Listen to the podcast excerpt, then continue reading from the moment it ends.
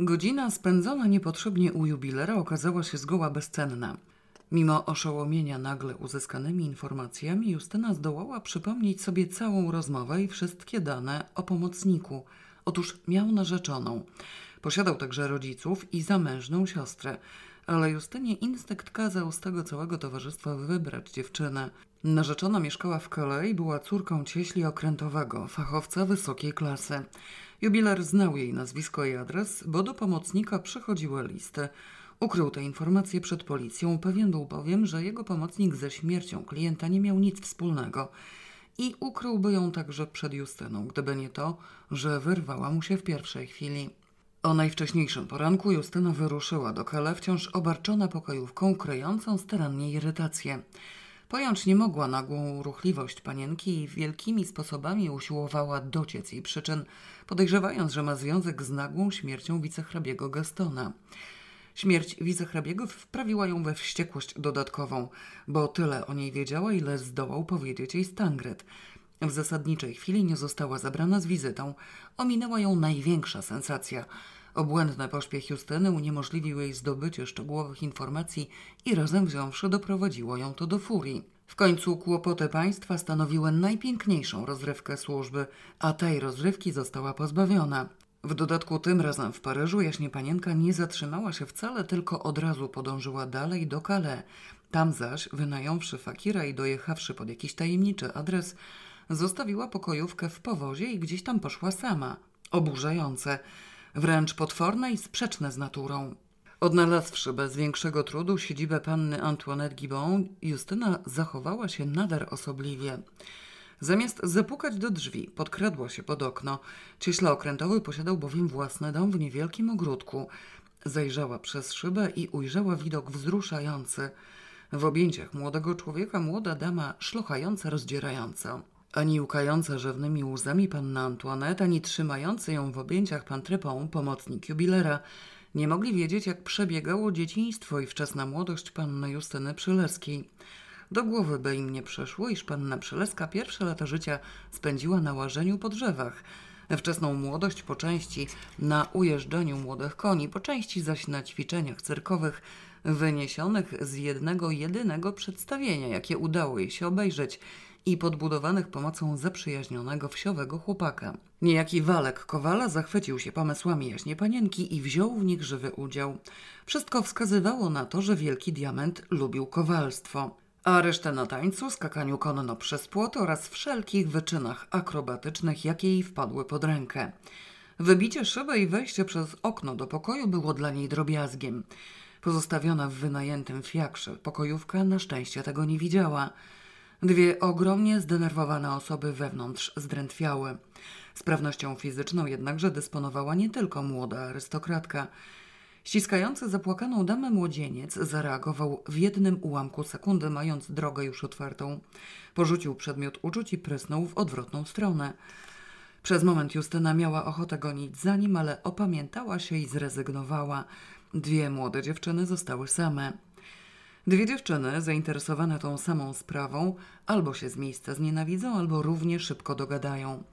Zważywszy, iż rywalizacja o względy młodzieńca nie wchodziła w grę, nastąpiło to drugie. O tym, że otrucie odpadało, Justyna już wiedziała, aczkolwiek nikły cień wahania w niej pozostał. Obie z babką nabrały delikatnych podejrzeń, bo w końcu dzieło o sokołach tkwiło w bibliotece całe wieki, przez nikogo nie oglądane i ślad trucizny, w którą nikt nie wierzył, mógł się po nim pałętać. Hrabia de Normand wycinał dziurę i sklejał kartki bez oblizywania, uszedł z życiem, ale kto wie, gdyby oblizywał, należało koniecznie stwierdzić, co tam nastąpiło u wicehrabiego de Puzac i jaka była przyczyna jego nagłego zejścia ze świata, nie mówiąc już o tym, że zaginięcie zawartości dzieła było wysoce intrygujące. Dając pierwszeństwo uczuciom, Justyna najpierw wysłuchała zwierzeń sercowych i wzięła udział w rozważeniu kwestii wierności odbiegłego w dal Amanta – Potem dopiero przystąpiła do pytań na tematy zbrodnicze. Antoinette nie próbowała nawet opanować wyzwolonej dramatem szczerości. Powtórzyła wszystko, co narzeczony jej wyznał. Sam był wzburzony i pełen rozpaczy i całkiem nie wiedział, co zrobić. Otóż tak, istotnie, był przy tym. W śmierci wicehrabiego Gastona wręcz uczestniczył osobiście, ale bez winy, bez winy. Justyna chętnie zgodziła się z tym poglądem, mając świeżo w pamięci opinię jubilera. Z zapałem potwierdziła wiarę w niewinność podejrzanego, co ukoiło nieco doznania Antoinette. Opowiedziała wreszcie porządnie i dokładnie całą historię. Pan Trepon, pomocnik jubilera, przybywszy z wygrawerowaną bransoletką, zastał wicehrabiego przy lekturze jakiejś wielkiej księgi. Przeglądając ją, wicehrabia siedział przy małym stoliczku pod oknem. W chwili, kiedy pomocnik jubilera wszedł, wyjął z sakwojarzyka przeniesiony klejnot i zamknął za sobą drzwi. Klient na coś w tej księdze trafił i rzeczywiście zaczął wydawać okrzyki kontrastowe w treści. Wielkie nieba, ach, cóż to, no moce piekielne. Zarazem chciwie wydłubał to coś, wyłuskał spośród kart, błysnęło mu w palcach. Ręce mu się trzęsły, upuścił lśniącą rzecz, która upadła na dywan. Zemocjonowany był tak, że nie wzywał służby dla podniesienia przedmiotu, tylko sam schylił się gwałtownie.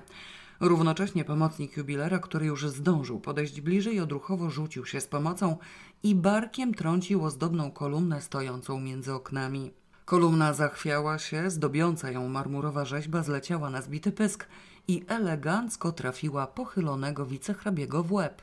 Pomocnik jubilera, usiłując temu gwałtownie przeciwdziałać, popchnął jeszcze stolik. Stolik przewrócił się i kantem blatu dogodził wicehrabiemu ostatecznie. Pomocnik jubilera potknął się o to wszystko, podparł rękami i lśniący przedmiot znalazł się w jego dłoni.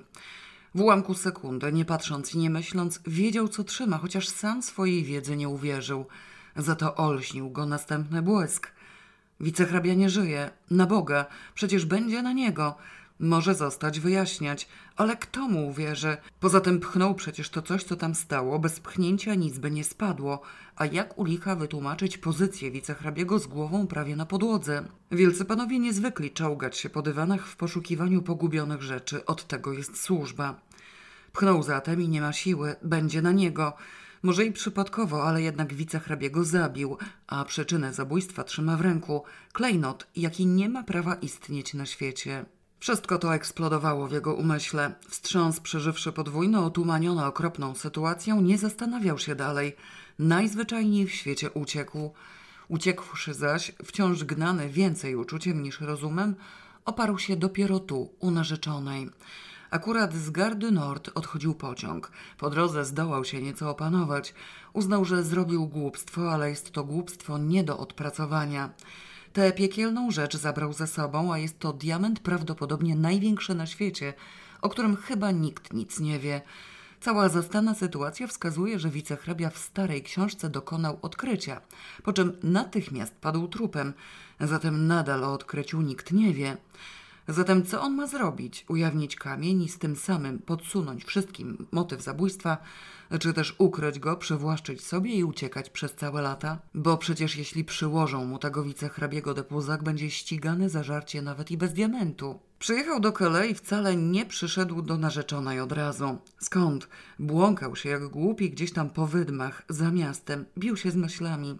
Pojawił się dopiero dzisiaj, dopiero teraz, przed chwilą, wyznał jej wszystko. Jeszcze się na nic nie zdecydował i chyba dlatego teraz też uciekł z zaskoczenia i z paniki. Gdyby przez okno wlazł jakiś zbir, bandyta, niechby nawet trzech bandytów, dałby im do wiwatu, bo w ogóle to on jest strasznie silny i wręcz głupio odważny, ale na widok młodej, pięknej, wytwornej pani musiał zbaranieć do reszty, gdyby chociaż pani wlazła z nożem albo rewolwerem. Mogłam wziąć ze sobą fuzję dziadka, mruknęła Justyna. Nie przyszło mi to do głowy, może i dobrze się stało. To bez sensu, że uciekł, a co zrobił z diamentem? Antoinette zakłopotała się lekko. Nie wiem, kiedy tu przyjechał, miał go chyba przy sobie, a teraz nie wiem. Myśli pani, że wróci? Nie wiem, powiedziała Antoinette żałośnie i na nowo zaczęła płakać. Może właśnie zdecyduje się już nie wracać. O mój Boże, mój Boże, za dwa miesiące miał się odbyć nasz ślub. Justyna znów musiała przystąpić do pocieszania, ale teraz jęła stosować argumenty racjonalne. Uciekinier nie porzuci przecież na zawsze narzeczonej posiadającej jego tajemnicę. Napisze do niej, da znać o sobie, nawiąże jakiś kontakt. Narzeczona zdoła wówczas wywrzeć na niego wpływ, nakłonić go do postępowania rozsądnego. O diamencie ogólnie biorąc wie mnóstwo ludzi. Widziała go Justynę babka, a być może ktoś jeszcze. Drogocenność jest, to z pewnością wielka, ale potwornie kłopotliwa. Zastanawiał się wspólnie, obydwie, co z tym fantem zrobić i jak odkręcić głupi pomysł młodzieńca. A jeśli by miał uciec, to dokąd? Spytała, widząc, że łzy młodej damy zaczynają obsychać.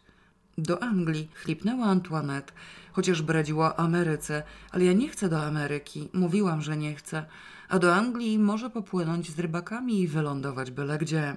No tak, wyląduje byle gdzie, policja go nie złapie, zniknie razem z diamentem, zaangażuje się do pracy jakiegoś złotnika.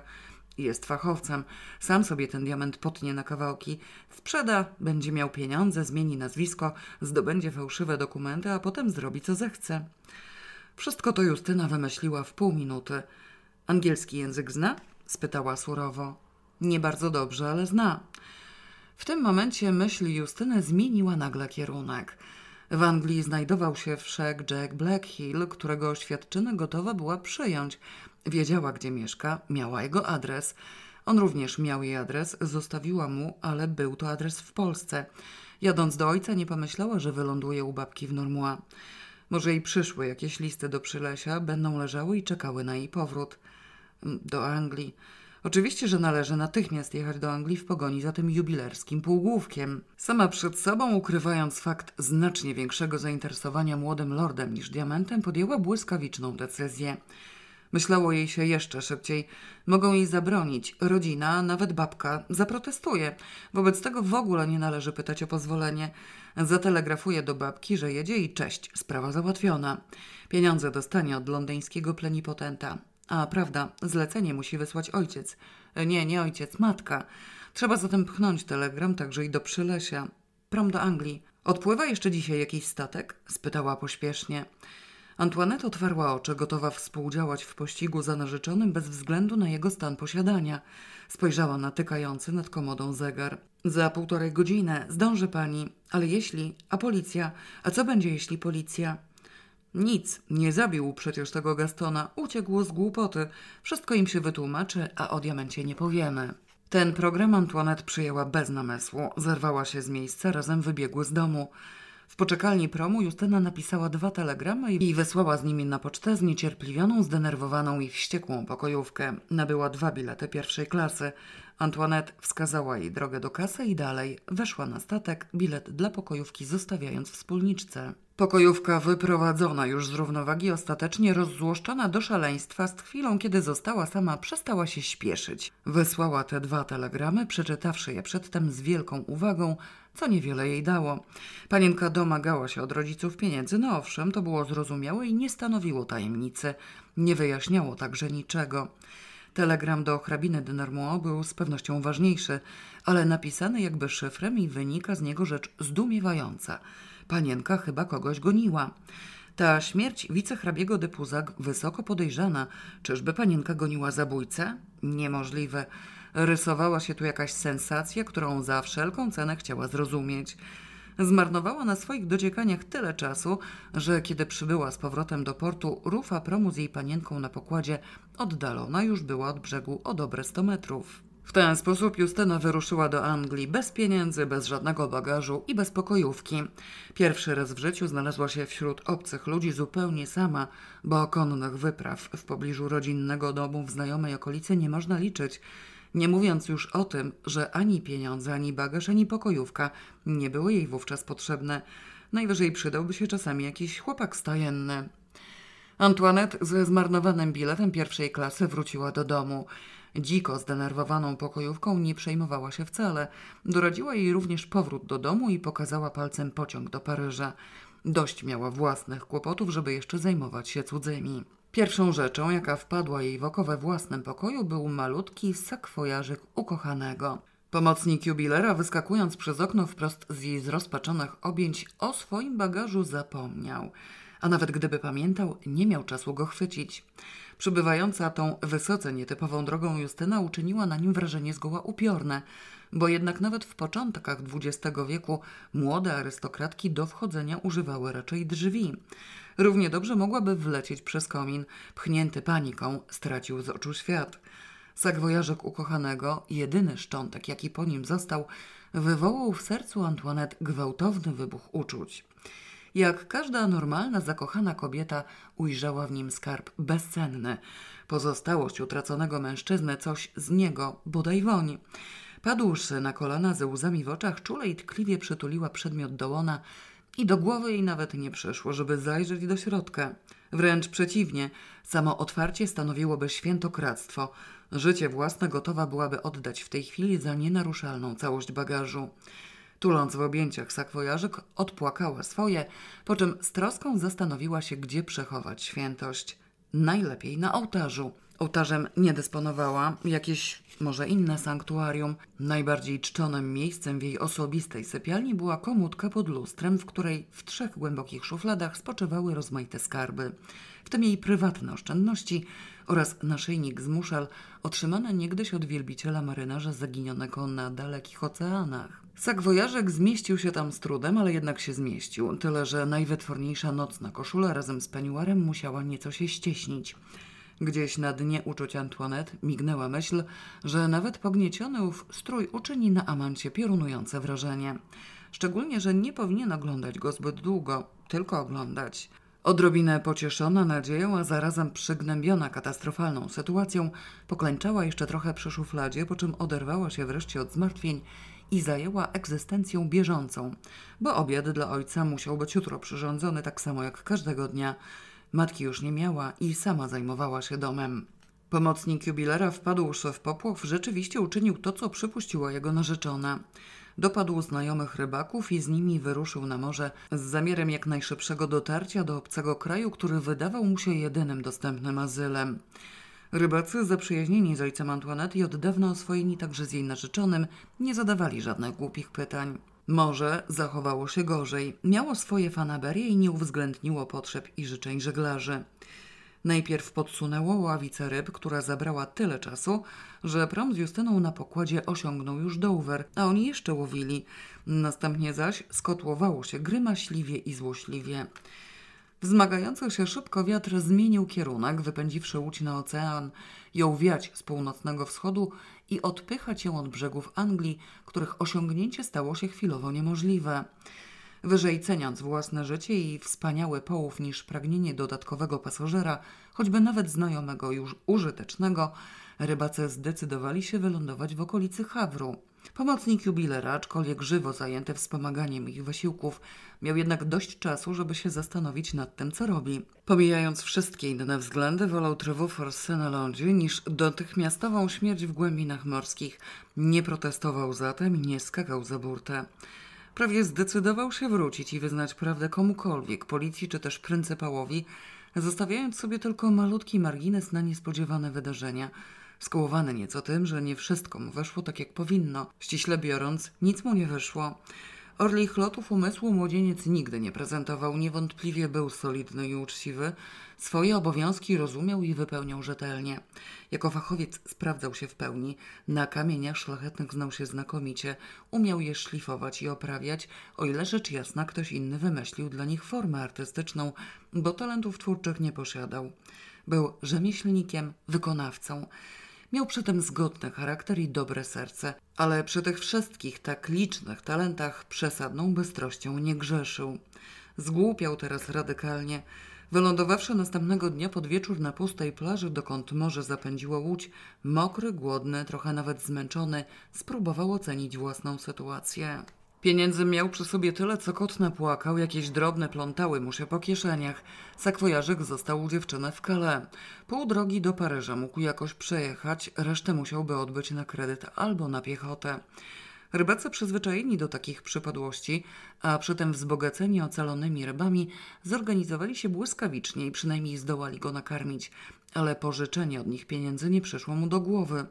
Przespawszy w ich towarzystwie noc, skłopotany i zmartwiony ruszył nazajutrz do stolicy i dopiero za Rouen, kiedy skończył mu się nabyty za owe smętne fundusze bilet i tkwił w pociągu na gapę, przypomniał sobie o diamencie.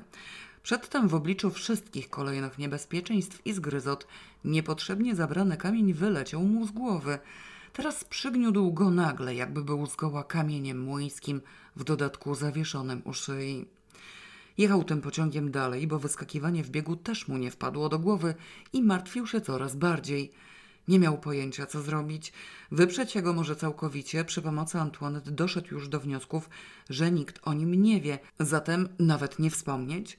Żadnego diamentu nie było. No tak, ale jeśli go nie było, to po diabła wicehrabia czołgał się po na czworakach. Dla gimnastyki? Głupota. Nikt nie uwierzy. Gdzie ten diament swoją drogą się podział? Co on z nim zrobił?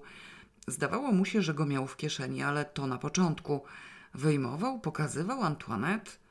A otóż nie, wcale nie pokazywał i chyba nawet nie wyjmował. Wielkie nieba może zgubił go na morzu w trakcie szarpania się z sieciami. No to koniec, przepadło. W zgubienie również nikt nie uwierzy. W rezultacie tych przygnębiających rozmyślań wysiadł na pierwszej stacji, jaka mu się napatoczyła i uświadomił sobie, że wychodzi się z niej przez kontrolera, który odbiera i sprawdza bilet, a jego bilet już od Rouen jest nieważny. Musi wyjść jakoś inaczej albo doczekać w jakimś ukryciu chwili, kiedy ruch pociągów się zmniejszy i kontroler zejdzie z posterunku. Przemknie się. Dalej, najzwyczajniej w świecie, pójdzie piechotą. Wojsko w kierunkach bojowych potrafi przemaszerować 40 km dziennie z solidnym obciążeniem. Piechota oczywiście. Michel Trepon, pomocnik, tragarz i goryl jubilera, nie obarczony szczęśliwie żadnym moździerzem karabinem maszynowym, ani też skrzynką amunicji, ściśle biorąc nieobarczonym niczym, bo wszystko udało mu się utracić, przebył w ciągu jednej doby trasę długości 68 km i wkraczając do Paryża nie miał nawet pęcherzy na nogach. No owszem, wyszlachetniał w tej podróży o jakieś 4 do 5 kilogramów. Do pryncypała zakradł się od tyłu. Głupcze! krzyknął na jego widok chlebodawca z wielką zgrozą. Cóżeś uczynił? Michel Trepon zapomniał języka w gębie, bo zbyt dużo w ostatnim czasie zdołał uczynić, żeby odpowiedzieć na takie pytanie. Na szczęście pytanie okazało się retoryczne. Jubiler znał go od dziecka i wiedział, co o nim myśleć. Po diabła uciekałeś, mówił z wyrzutem dalej, wracając do spożywania śniadania. Siadaj i jedz, widzę przecież, że jesteś głodny. Dziękuj Bogu, że tam był jeden rozumny człowiek i zgadł, co się stało, bo inaczej już by cię cała policja szukała. I tak cię szukają, ale jako świadka. Co cię napadło, żeby znikać? Wystraszyłem się.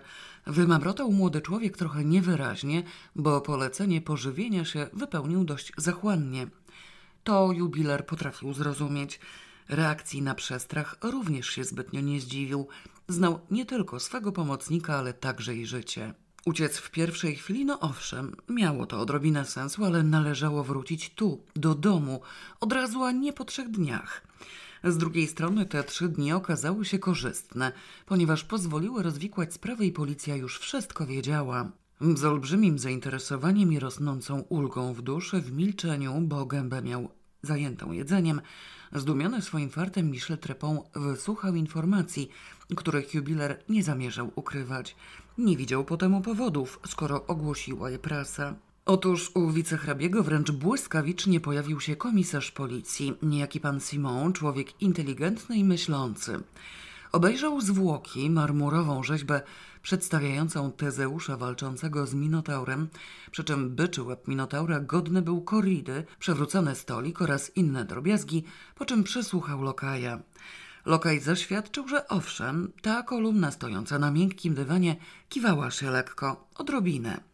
Była mowa nawet o wezwaniu człowieka, żeby ją przytwierdził do ściany międzyokiennej, ale jeszcze tego nie załatwiono. U wicehrabiego kręciło się dziś mnóstwo ludzi. W salonie obok czekali przyjaciele, dwóch panów, a drzwi były otwarte. Niemożliwe, żeby ktokolwiek wybrał sobie taką chwilę na popełnienie zbrodni. Musiałby zwariować. Przeprosiwszy za prywatny komentarz, który wyrwał mu się na skutek zdenerwowania, Lokaj kontynuował zeznanie oficjalne. Tak, istotnie, ta rzecz znaleziona o pół metra dalej to jest sztuczna szczęka nieboszczyka pana wicehrabiego. Mimo młodego wieku wicehrabia sztuczną szczękę posiadał, utraciwszy zęby w karczemnej bójce w wieku lat siedemnastu.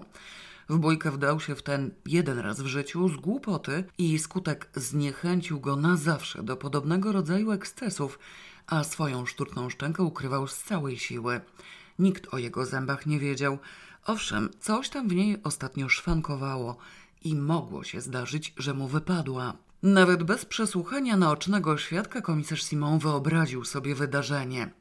Wicehrabia może kichnął, zęby mu wyleciały. Ktoś wszedł w tym momencie. Z zeznań wynika, że pomocnik jubilera. Wicehrabia rzucił się podnosić szczękę, chcąc ją ukryć, zanim obcy człowiek zobaczy, co to jest. Potrącił chwiejną kolumnę i spowodował katastrofę. Ów pomocnik jubilera był tu jednakże przez chwilę i coś robił, skoro przeniesiona przez niego bransoletka leżała na podłodze obok przewróconego stolika. A w każdym razie widział to wszystko, musiał widzieć, zatem odnaleźć go i przesłuchać należy bezwzględnie. Słysząc taką wersję wydarzeń, pomocnik jubilera oprzytomniał i odzyskał odrobinę rozumu. Ponadto posilił się, co zdecydowanie podniosło go na duchu. Uzgodnił ze zwierzchnikiem, że sam się zgłosi do komisarza Simon natychmiast, rezygnując z odpoczynku i snu, co też uczynił. Brak odpoczynku i snu miał swoje konsekwencje. Potwierdziwszy cały ciąg wydarzeń, zgadza się, wicehrabiemu upadło, rzucił się, potrącił piekielną kolumnę, rzeźba spadła i tak dalej. Naoczny świadek dał się podpuścić i wyznał, co widział w momencie wejścia. Wicehrabia przeglądał księgę, jakąś bardzo starą. Tak, naoczny świadek zdążył ją dostrzec, zanim to wszystko się poprzewracało. O czym traktowała nie wie, ale w środku miała wielką dziurę. Z dziury komisarz wyciągnął wniosek, acz błędny to jednak logiczny. Na jej widok wicehrabia stwierdziwszy nagle dewastację zabytku, zapewne drogo opłaconego, szaleńczo się zdenerwował i tę szczękę wypluł w nerwach. Wszystko zgadza się doskonale.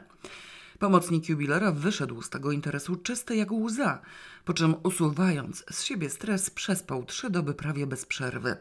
Komisarz natomiast jął się interesować księgą. Chciał mieć wszystko zapięte na ostatni guzik, a owej księgi nie było. Tu znów wystąpił lokaj. Tak jest, pojawiła się tu panna Przyleska, wnuczka hrabiny de Normont, u babki rezydująca, która księgę ową zabrała. Widział to na własne oczy. Sam tę księgę przedtem przyniósł, bo leżała na podłodze, ze stolika spadła i położył ją na konsolce przy drzwiach, odruchowo. A jaśnie panienka zajrzała do pokoju, księgę dźwignęła i poszła sobie. Kuzynka wicehrabiego de Piuzac, wszystkim znana, mogła zabierać co chciała. Do Klementyny komisarz Simon dotarł osobiście, wyłącznie dla własnego spokoju sumienia. Nie traktował nawet tej wizyty służbowo, zaprosił się prywatnie. Wiedzę o całej tej okropnej historii Klementyna czerpała z trzech źródeł. Z pierwszej relacji Justyny, z gazet i z niewielkiego telegramu, jaki dostała od wnuczki Calais. Telegram w najmniejszym stopniu nie liczący się z kosztami brzmiał: Indywiduum ucieka do Anglii, stop. Jadę za nim, stop. Pieniądze od matki, stop. Niewinny z całą pewnością, stop. Gaston to przypadek, stop. Podobno zabrał tę rzecz, stop. Będę próbowała go znaleźć, zanim pojedzie do Ameryki, stop. Czy nie przyszły do mnie listy z Przylesia? Znak zapytania. Jeśli tak, przyślij mi je na adres pana Brumstera. Stop. Nie wiem, co dalej robić. Stop. Pokojówka, która wróciła we łzach na zajutrz po telegramie, wywołała niepokój głęboki. Panienka zostawiła ją we fiakrze na ulicy i sama poszła coś załatwiać. Czekała w nieskończoność, a potem nagle porobiło się coś okropnego. Pośpiech dziki, jakaś dziewczyna się przyplątała. Ona sama została wysłana na pocztę, a panienka Jezus Mario odpłynęła w tym czasie do Anglii. Ta jakaś dziewczyna okropna i zapłakana, niczego się od niej nie można było dowiedzieć. Pokojówka też się popłakała i wróciła do domu, bo niby co innego mogła zrobić. Zmuszona myśleć i wnioskować samodzielnie, przestudiowawszy prasę, Klementyna nie przestraszyła się wizytą pana komisarza Simon. Potwierdziła fakt zabrania dzieła o sokołach. Wyjaśniła, iż jest to pamiątka rodzinna, wypożyczona bez jej wiedzy, bezprawnie zlicytowana u pana de Roussillon. Pokazała pokwitowanie i pokazała nawet samo dzieło. Dziura w nim rzucała się w oczy. Pan Simon utwierdził się w swoich poglądach i mógł się wreszcie uspokoić. Notatki o całej sprawie pozostawił w swoich prywatnych dokumentach.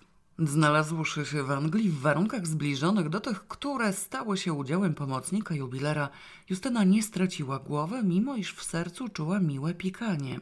Różnica sytuacji jej i tempawego młodzieńca leżała w tym, że pieniędzy miała dość na dojazd do Londynu i nie musiała iść piechotą. Późnym wieczorem o godzinie absolutnie nieprzyzwoitej dotarła do pana Brumstera, rodzinnego radcy prawnego. Nie dysponowała nawet wizytówkami, ale tkwiły w niej całe stulecia tak zwanej błękitnej krwi. Lokaj pana Brumstera, oblatany w zawodzie, bez jednej sekundy wahania poszedł zaanonsować młodą damę, której nie można nie przyjąć nawet o czwartej nad ranem, nie mówiąc o 11.30 wieczorem. Pan Brumster ostatni raz widział Justynę, kiedy miała 16 lat, jednakże ją poznał. Reszta stanowiła samą przyjemność. Zakwaterowana na własne życzenie w najlepszym hotelu, już nazajutrz Justyna rozpoczęła ożywioną działalność, dwukierunkową, rzecz jasna, z przewagą kierunku uczuciowego. Bez żadnego trudu wmówiła w pana Brumstera, iż Lord Jack Blackhill ma ścisły związek z tajemnicą rodzinną, która przygnała ją tu w tak osobliwych okolicznościach. Cztery godziny później Jack Blackhill, wnuk Arabelli, ze spontanicznością odziedziczoną po babce, chwycił młodą damę w objęcia. O tajemnicy rodzinnej raczej nie było mowy, jakoś tak wypadło, że inne tematy wysunęły się na pierwszy plan. Kolejny telegram do Klementyny zawierał informację, że Jack Blackhill jednak zdołał się oświadczyć i został przyjęty. W Nicei mamusia nie miała nic przeciwko temu, więc może i teraz wyrazi aprobatę. Co babcia na to? W kwestii poszukiwanego indywiduum nie ma nowid. Wygląda na to, że w Anglii nikt o nim nic nie wie, a upragniony przedmiot nie ujrzał światła dziennego. Co teraz? Klementyna wieści potraktowała pobłażliwie, pamiętała doskonale własną młodość. Nieco inna ona była, ta młodość, ale uczucia zmianom historycznym nie ulegają i można je zrozumieć zawsze jednakowo. Na wszystkie strony rozesłała listy, bo telegramy jej nie zadowalały i wręcz z przyjemnością pogodziła się z faktem, że jej wnuczka za pełną zgodą rodziców poślubi lorda Jacka Blackhilla, potomka tych jakichś ludzi, którzy już dawno temu wmieszani byli w tajemniczą historię Wielkiego Diamentu, nie wiadomo skąd i jakim sposobem im przypisanego. Co z tego wyniknie, nie była w stanie przewidzieć. Diamentu jednakże w obecnej chwili nie zamierzała się tak beztrosko wyrzekać. Wyszło na jaw, że należał do rodziny i miała do niego prawo. Stanowił poza tym wielką wartość, która w obliczu delikatnego upadku majątkowego zaczynała się liczyć. Zdając sobie sprawę, że zakochana wnuczka jest chwilowo nie do użytku i pociechy z niej nie będzie, pojechała do Paryża osobiście. Nazywało się, że dla wzięcia udziału w pogrzebie młodego kuzyna. Pod pozorem uzyskania szczegółów jego dramatycznego zejścia ściągnęła do siebie na rozmowę pomocnika jubilera. Pomocnik jubilera, jeszcze nieco zaspany i otępiały po trzech dobach intensywnego wypoczynku, bał się hrabiny znacznie bardziej niż wszelkich policji świata. Był zdania, że policja da się oszukać, natomiast hrabina wykluczone. Nie spróbował nawet, klęcząc i żebrząc o zachowanie sekretu w tej kwestii, wyjawił jej całą prawdę. Żałosnym głosem wyznał, iż do tej rzeźby, która zleciała, przyłożył się osobiście, ale niespecjalnie, broń Boże, wyłącznie przypadkiem. Chciał być grzeczny i tak okropnie mu to wyszło. Nigdy więcej nie będzie grzeczny. Już i tak swoje odcierpiał. Omal się nie utopił w rozszalałym morzu. Stracił wszystko, naraził się narzeczonej. Teraz ma same kłopoty, więc błaga o zmiłowanie. Klementyna nie widziała powodu, żeby mu robić coś złego. Rozumiem, rzekła spokojnie. Jeśli o to chodzi, zapewniam cię, że będę milczeć, bo wicehrabiemu de Piuzak ani to nie pomoże, ani nie zaszkodzi. Jest inna sprawa. Dajmy spokój sztucznym zębom. Obydwoje dobrze wiemy, że nie zęby z tej książki wypadły. Gdzie masz diament? Dopiero teraz pomocnik jubilera zdrętwiał rzetelnie, omal nie zaczął tłuc głową w podłogę, ale nie usiłował wmawiać w hrabinę, że o żadnym diamencie nic nie wie. Ja wiem, że tego go już mi jaśnie pani nie przebaczy. Ja go chyba zgubiłem. Miałem go, przyznaję. Z dywanu podniosłem i sam nie wiem po co od razu wiedziałem, że źle robię. A potem się okazało, że go nie mam. Na morzu. Sam nie wiem, gdzie i kiedy mi wyleciał, ale na morzu chyba jak mnie fala zalała. Ty, głupcze, powiedziała Klementyna ze śmiertelnym wstrętem. A ta twoja narzeczona, nie zostawiłeś go u niej? Pomocnik był gotów głowę na pniu położyć, że niczego u narzeczonej nie zostawiał. Od pierwszej chwili wydarzenia otumaniły go do tego stopnia, że prawie stracił pamięć. O swoim sakwojarzyku zapomniał doszczętnie. Majaczyło mu się, że ogólnie przy sobie coś miał, ale stracił to w burzliwych odmętach. Diamentu u narzeczonej nie wyjmował, wcale i go jej nie pokazywał, nie zdążył. Ledwo o tragedii powiedział, już musiał uciekać. Gdzie go miał wtedy, sam nie wie. Ale z podłogi podniósł i w ręku ściskał, a potem już nie ściskał, więc chyba gdzieś włożył, możliwe, że do kieszeni. Klementyna pojęła, że ma do czynienia z kretynem. Wyraźnie było widać, iż kretyn mówi prawdę, bo wymyślenie ugarstwa przekracza jego możliwości. Dała spokój wypytywaniu i zła jak diabli machnęła ręką na stratę. Pomocnik jubilera jednakże wystraszył się ciężko. Dotychczas miał nadzieję, że o diamencie nikt nie wie. Teraz wyszło na jaw istnienie jego właścicielki. Orientował się w wartości klejnotu i w głowie mu się nie mieściło, że ktoś mógłby taką stratę darować. Wyraz twarzy starej hrabiny daleki był od anielskiej słodyczy. Wyobraził sobie zatem, że Klementyna będzie się mścić. Po prostu powinna się mścić, wręcz było to jej obowiązkiem. W dodatku miała na niego haka potężnego. Sam jej wyjawił własny udział w rozbijaniu głowy wicehrabiego. Co z tego, że obiecała milczenie? Wielcy państwo nie muszą dotrzymywać obietnic składanym prostym ludziom. Nie ma dla niego życia na tej ziemi. Z bólem serca, rezygnując z narzeczonej, która korespondencyjnie odmówiła opuszczenia ojczystego kraju, z dnia na dzień znikł z horyzontu. Jubilera o porzuceniu pracy zawiadomił na piśmie bez podawania przyczyn i odpłynął do Ameryki. Był to oczywiście idiotyzm, ale myśleć młodzieniec nie umiał i odporności ducha nie posiadał. Gdyby groziło mu zwyczajne mordobicie, stawiłby czoło niebezpieczeństwu, ale perturbacje natury moralnej, niepewność, wyrzuty sumienia i obawy przed konsekwencjami popełnionych czynów były dla niego nie do zniesienia. Musiał uciec od tego wszystkiego na inny kontynent i ta ucieczka wreszcie mu się powiodła. Antoinette nie wpadła ani w bezdenną rozpacz, ani w dziką furię, tylko dzięki temu, że pocieszyciel był pod ręką, a stanowił sobą rzadki zbieg okoliczności. Florek niepokoił się o Justynę bardziej niż jej rodzona babka.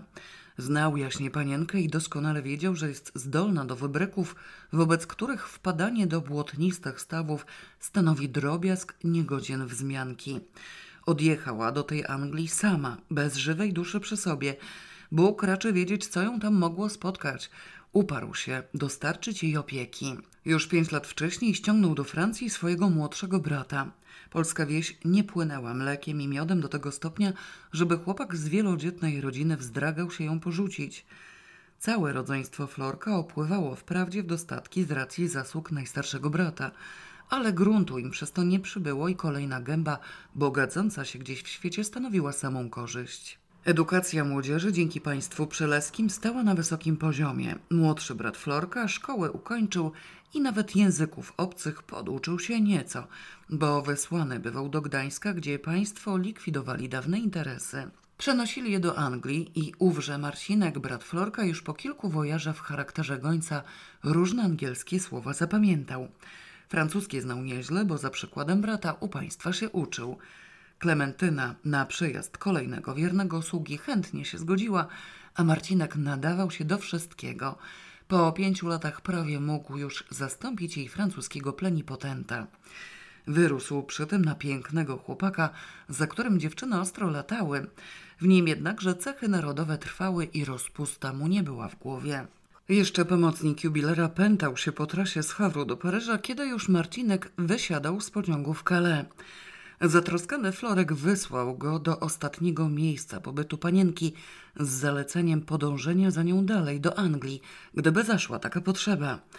Odnalezienie Justyny w Londynie nie przedstawiało sobą wielkich trudności, bo pan Brumster, plenipotent rodzinę, stanowił niejako skrzynkę kontaktową. Zorientowany w sytuacji ogólnej nie gorzej niż Klementyna, Marcinek zaczął od wizyty u narzeczonej pomocnika jubilera, pełen nadziei, że dowie się więcej – Skoro pokojówka czekała tyle czasu, musiała tam panienka jakąś rozmowę prowadzić i w ogóle coś robić.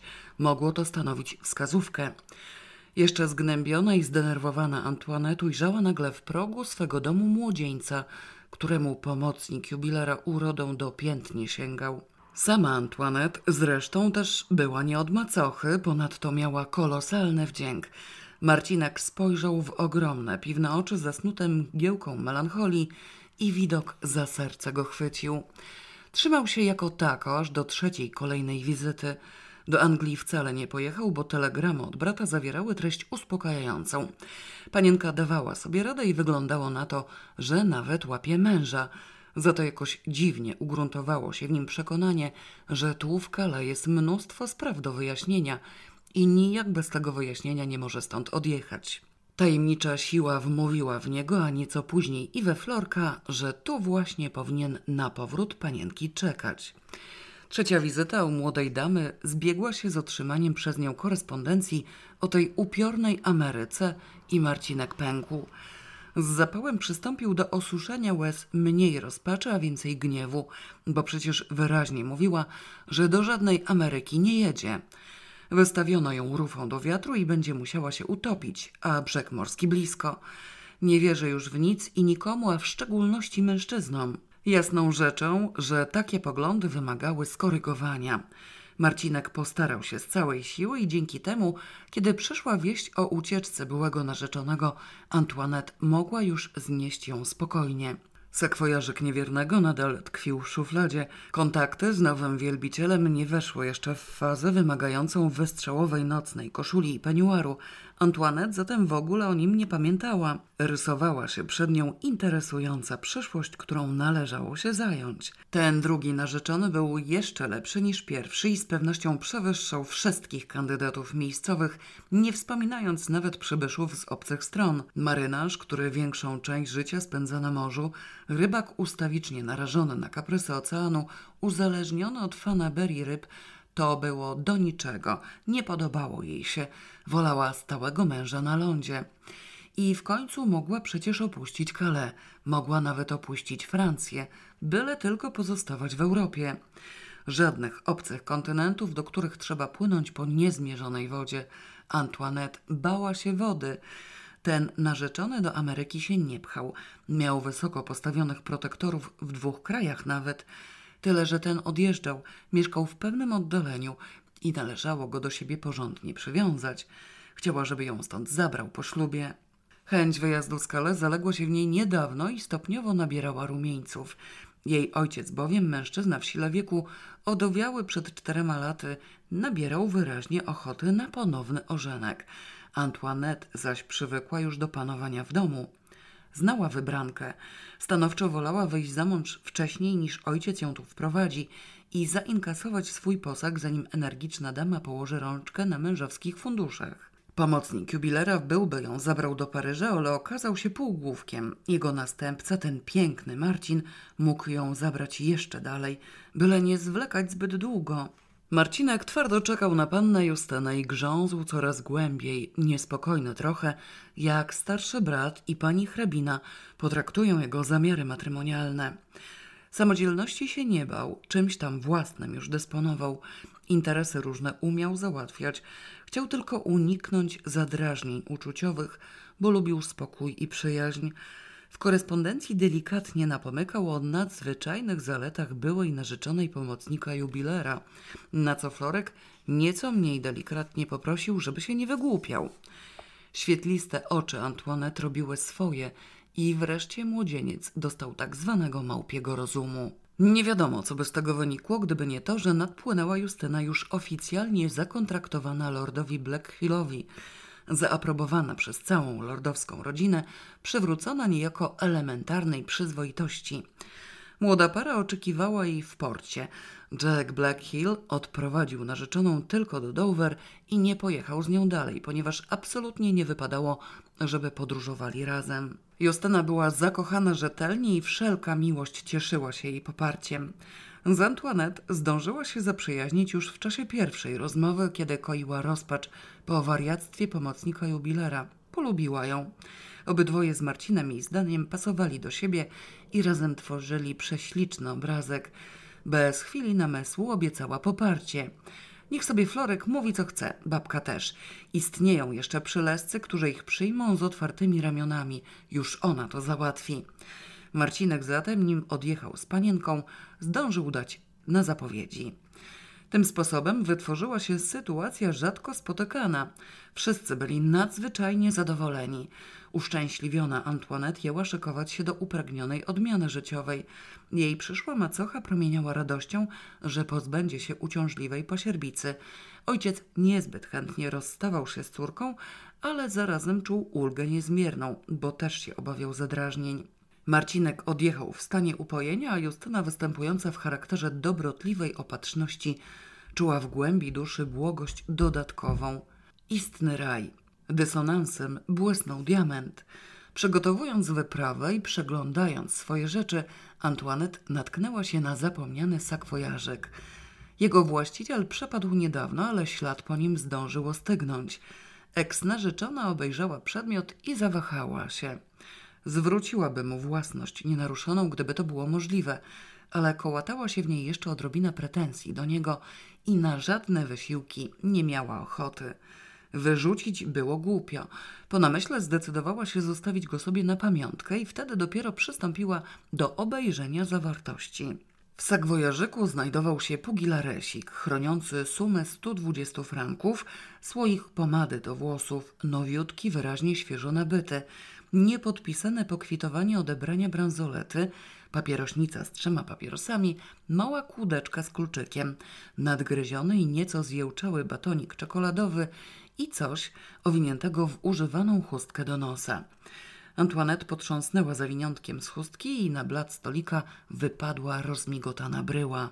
Nie widziała tej bryły nigdy, ale słyszała o niej dosyć. Doskonale wiedziała, co to jest.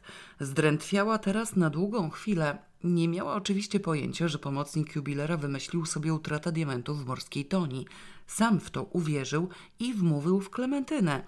Orientowała się za to, iż kamień stanowi jakiś dowód obciążający.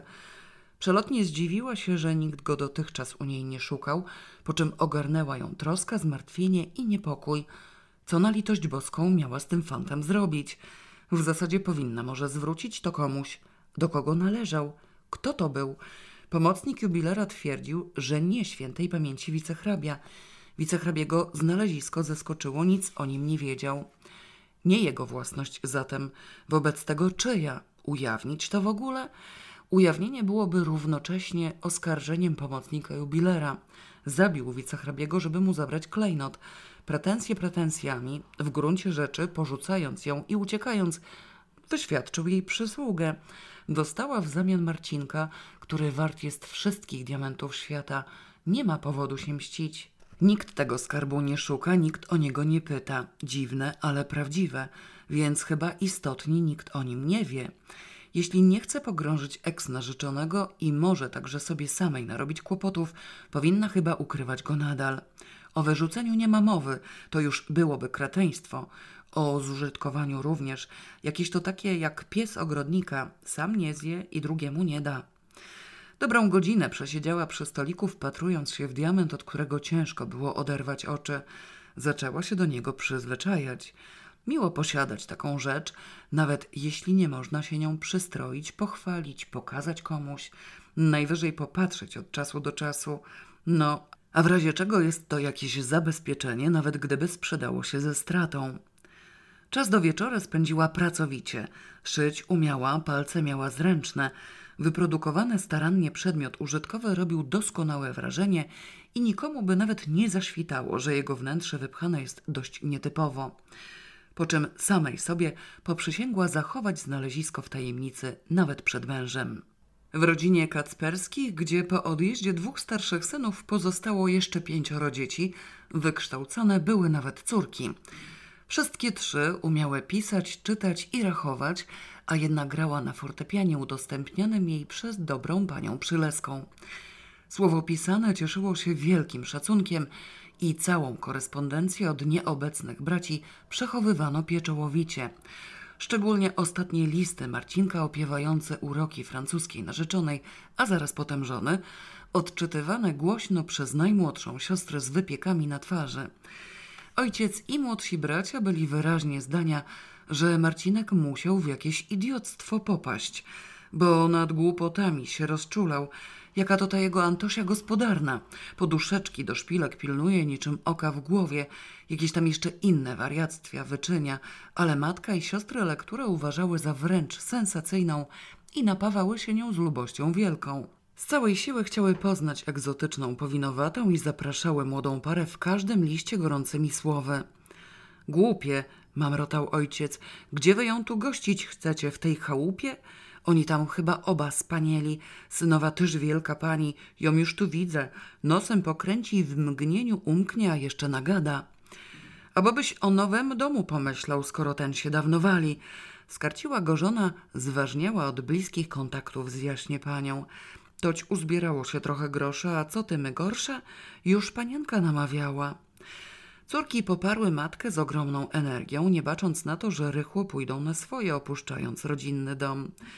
Żadna za skarby świata nie przyznałaby się do nadziei na zamąż pójście, bo mogłyby jeszcze zauroczyć i zostać starymi pannami. Ojciec ugiął się pod presją i w ten sposób budowa nowego domu została postanowiona. Obaj starsi synowie aprobatę wyrazili czynnie, przysyłając pieniądze na podniesienie ogólnego poziomu rodziny. Przyjechała Justyna, zobowiązana do wizyty u rodziców nadchodzącym ślubem.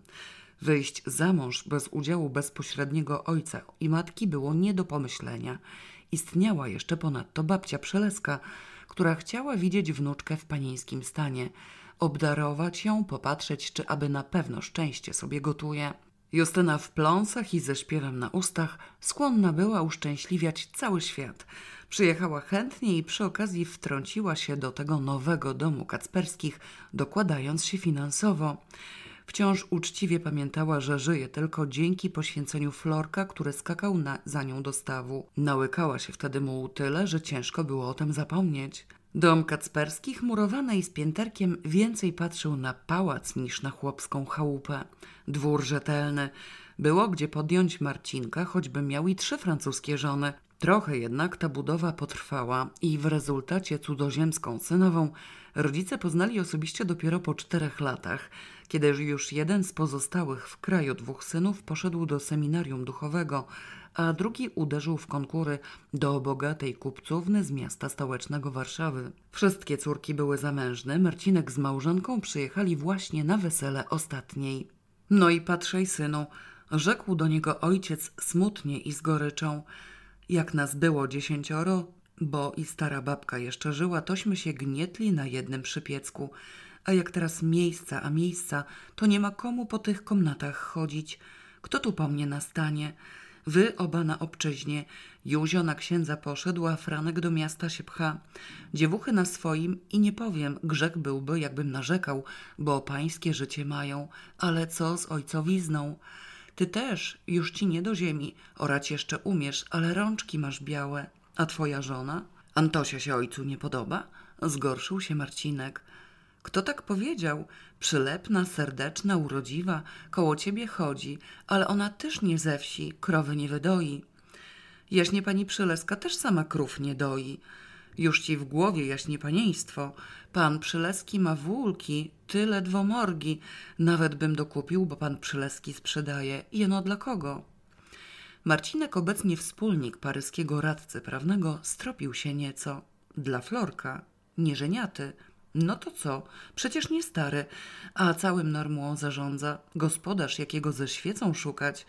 Stara hrabina niewieczna, panna Justyna za Anglikiem, a przy hrabim Florek pewno nie zostanie. Wróci i na gospodarce osiądzie. Z drugiej strony będzie ojciec musiał i tak rozdzielić na wszystkie dzieci. Jeden spłaci resztę jeszcze musi mieć z czego. Florek nie ma, mieć ma, ale mu niewiele zostanie. A ja czy ja wiem? Coraz lepiej mi idzie, przywykłem do miejskiego życia. Nawet nie to, mieszkałbym na wsi bardzo chętnie, dlaczego nie? Ale do interesów przywykłem. Lubię to załatwiać. Trochę to powiem ojcu jak polowanie. Ubije się coś albo nie, a mnie się jakoś odpukać nieźle ubija. Stary Kacperski westchnął i przyjął sugestię syna. Myśl o Florku wydawała mu się sensowna. Wykorzystując obecność i uczciwość Marcinka oblatanego w kwestiach prawnych napisał testament. Doskonale zorientowany w jego treści, Marcinek, którego ów testament solidnie obciążał, pogodził się z wolą ojca, tyle że skonsultował z Antoinette.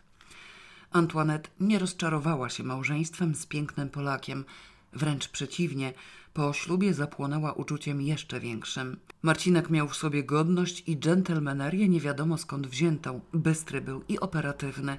Zarabiał coraz więcej, a przy tym świetnie nadawał się do łóżka, co było dla niej zaletą podstawową. nie rozpustnik w dodatku, za innymi nie latał. Chcąc być go pewna, rozwinęła sobie w cechę co najmniej Marysienki Sobieskiej i wyraźnie czuła się jedyną kobietą na świecie. Usiłowała wprawdzie kryć, bodaj trochę, dziką miłość do męża, ale wychodziła z niej wszelkimi stronami, budząc przy okazji serdeczną sympatię teścia i teściowej. Pobyt na wsi bawił ją ogromnie i wcale nie rwała się do wyjazdu. Pora roku sprzyjała kontaktom damsko-męskim. Czeremcha kwitła i pachniała. Siano schło i również pachniało. Gorzka woń zwykłych pokrzyw budziła w niej jakieś nowe doznania i razem wziąwszy, dla tego wybranego mężczyzny gotowa była na wszystko. Prawie dostała amoku na jego tle. Dzieci jeszcze nie mamy, ale możemy mieć, rzekł do niej mąż, odpracowawszy przedtem z wielkim zapałem obowiązki małżeńskie. Więc nie wiem, czy nie robię głupstwa.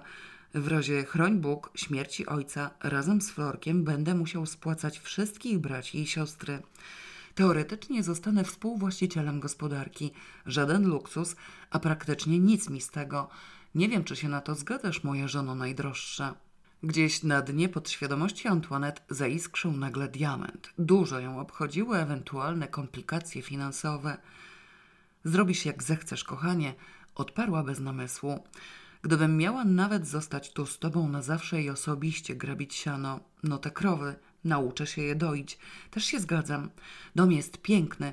Będziemy przyjeżdżać na wakacje. Tu jest cudownie. Pieniądze nie mają żadnego znaczenia. Marcinek z podziwem dla siebie samego pomyślał, że wybrał żonę z rzadkim fartem i przestał kłopotać się przyszłością. Mógł ojciec pisać testamenty, jakie mu się żywnie podobało. Stary Kacperski i Klementyna przeżyli jeszcze pierwszą wojnę światową, która odbiła się na nich zgoła kontrastowo. Kacperskiemu nie zrobiła żadnej różnicy. Nawet konie zdołał ukryć przed branką do wojska.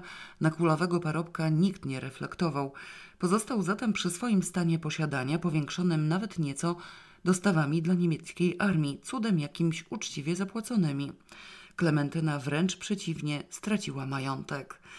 Dobra Przyleskich podupadły ogromnie, głównie może dlatego, że nikt się nimi nie przejmował, licząc na dochody angielskie. Akcje angielskie zaś straciły na wartości.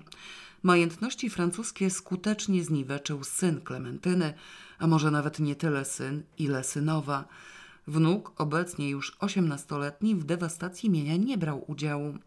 Oczkiem w głowie wciąż była Justyna, zabezpieczona szczęśliwie dochodami męża, tyle że też nieco obciętymi. Tu jednak różnica na niekorzyść wypadła niewielka. Rzecz oczywista, umierając Klementyna zostawiła testament. Normua z konieczności przekazała synowi, część gotówki jednakże oraz całą zawartość biblioteki Justynie. Przybyła na jej pogrzeb Justyna, zapłakana po babce i przygnębiona, wyjaśniła wujowi i wujence w czym rzecz. Otóż do tej pory jeszcze nie wypełniła danej babce obietnicy, że ocali wiedzę o ziołach leczniczych gdzieś w owej bibliotece zawartej i testamentem babka jej o tym przypomina. Uczyni to oczywiście, ale ma nadzieję, że nie musi owych ton lektury zabierać ani do Anglii, ani do odrodzonej Polski. Wpuszczą ją do biblioteki w Normua w każdej chwili. Dotychczas wyłapała tylko mandragorę, ale wie, że powinno być tego więcej. Nie tylko lekkomyślny wuj, ale także wujenka nie zgłaszali żadnych zastrzeżeń. Oczywiście Normua mogła odwiedzać ilekroć jej się podobało, nawet bez uprzedzenia, całkiem znienacka. Pomijając już wszystko inne, jej angielska córka czuła się tam jak u siebie w domu, a nawet lepiej i nikt nie zamierzał dziecku stawiać przeszkód. Angielska córka Justyny tuż po zakończeniu wojny miała lat 11. Jej francuski kuzyn, młody wicehrabia de Normois, doszedł do wieku lat 19. Żywa dziewczynka, spędzając lato w posiadłości jego przodków, wydała mu się nieznośna do tego stopnia, że nie był w stanie o niej zapomnieć. Poślubił ją w siedem lat później.